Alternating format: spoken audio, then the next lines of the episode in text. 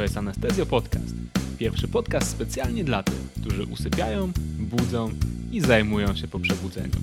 Mam na imię Staszek i zapraszam Was na kilkanaście minut wspólnej nauki. Cześć, witajcie w kolejnym odcinku Anestezjo Podcastu.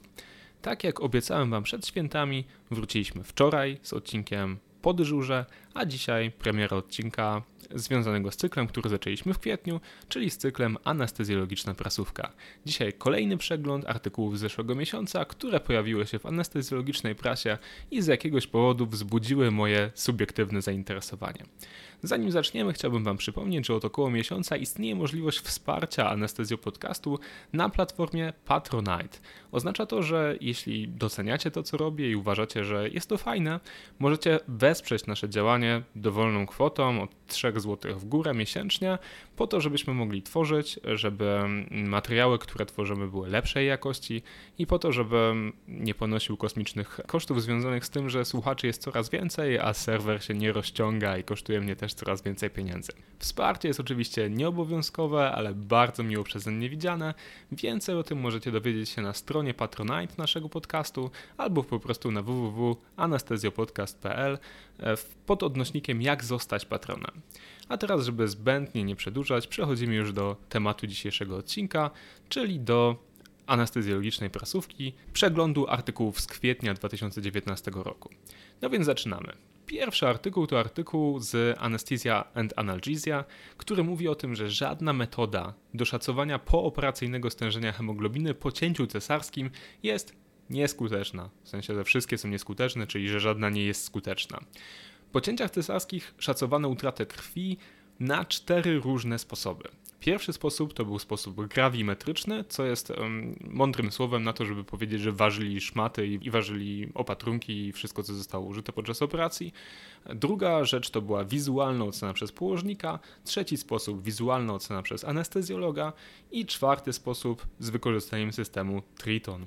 Okazało się jednak, jednak, że żaden z tych sposobów, które były stosowane, nie koreluje silnie z pooperacyjnym poziomem hemoglobiny, co więcej, żaden nie jest wyraźnie lepszy od pozostałych.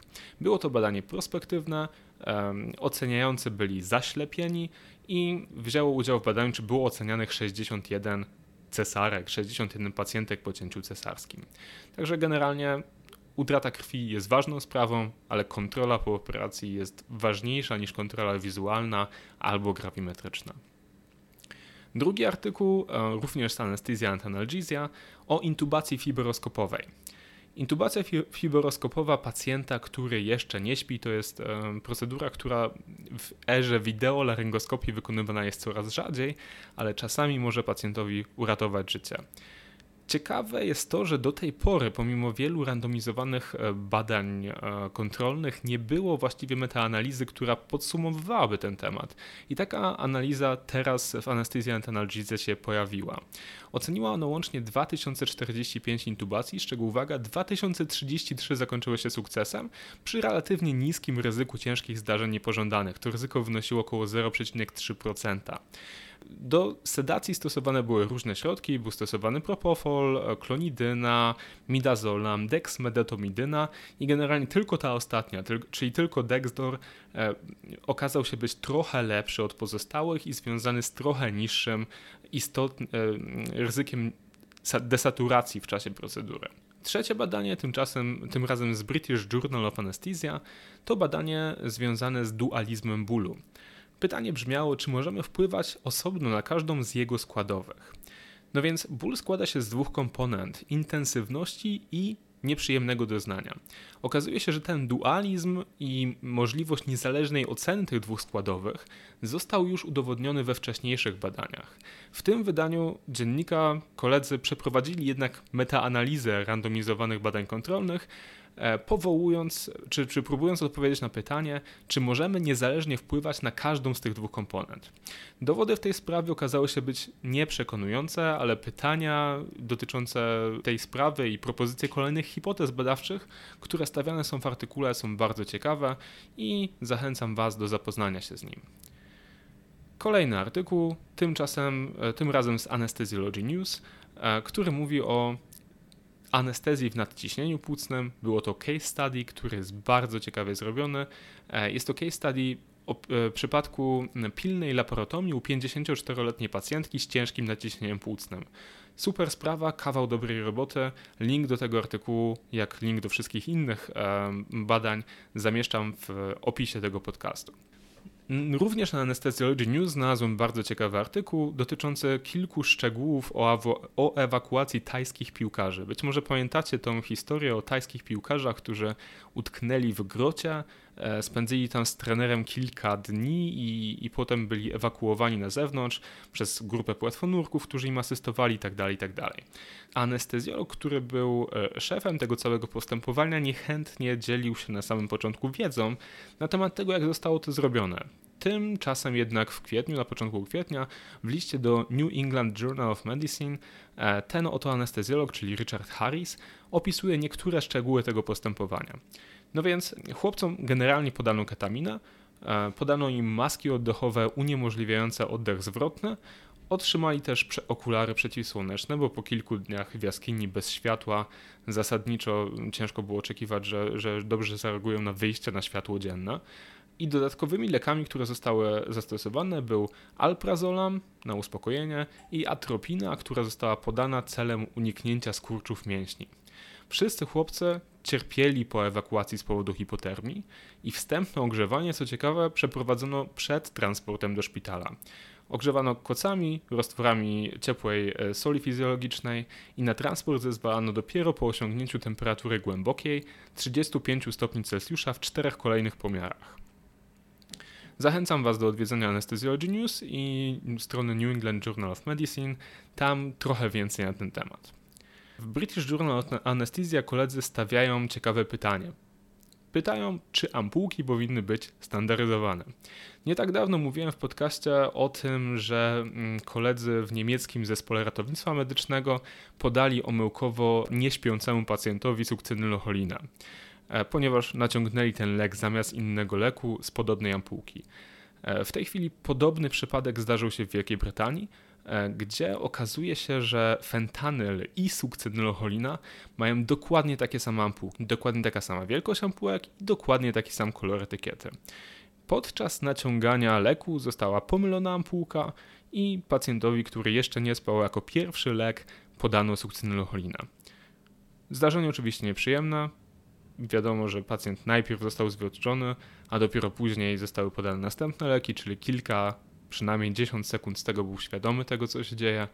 No i pytanie, które stawiają, czy jeśli mamy standaryzowane kolory etykiet, czy jeśli mamy standaryzowane kolory dozowników gazów anestetycznych, to czy nie powinniśmy mieć standaryzowanych ampułek, które niezależnie od firmy, która w tym momencie dostarcza do szpitala ten lek dwa grosze taniej niż inna firma, czy wszystkie firmy nie powinny mieć po prostu takich samych ampułek dla danego leku. Zdjęcie tych dwóch ampułek również załączam w opisie do tego artykułu, który znajdziecie na naszej stronie internetowej. Kolejny artykuł, tym razem z European Journal of Anesthesia, mówi o wysokim FiO2 w czasie operacji. Generalnie WHO zaleca w czasie operacji wysokie FiO2, e, zarówno w czasie, jak i bezpośrednio po operacji. Pytanie brzmiało, czy ma to jednak związek z wyższym ryzykiem komplikacji płucnych. Hipotezę tych uszkodzeń sprawdzili badacze z Cleveland Clinic na grupie ponad 5000 pacjentów przy operacjach okrężnicy i odbytnicy, które trwały powyżej 2 godzin. Porównywali oni pacjentów, którzy dostawali FiO2 80%, czyli 0,8, z pacjentami, którzy dostawali 0,3 30%. Okazało się, że przy tych grupach nie ma żadnej istotnej statystycznie różnicy, czyli wysokie stężenia tlenu na czas operacji można stosować bez szczególnego zastanawiania się nad y, przykrymi konsekwencjami. W British Journal of Anesthesia opublikowano jeszcze jedno ciekawe pismo, które napisała dwójka lekarzy dotyczące terapii przeciwpłytkowej.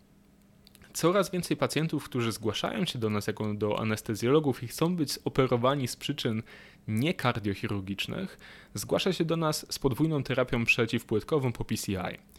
Najczęściej ta podwójna terapia przeciwpłytkowa jest złożona z aspiryny oraz z inhibitora P2Y12.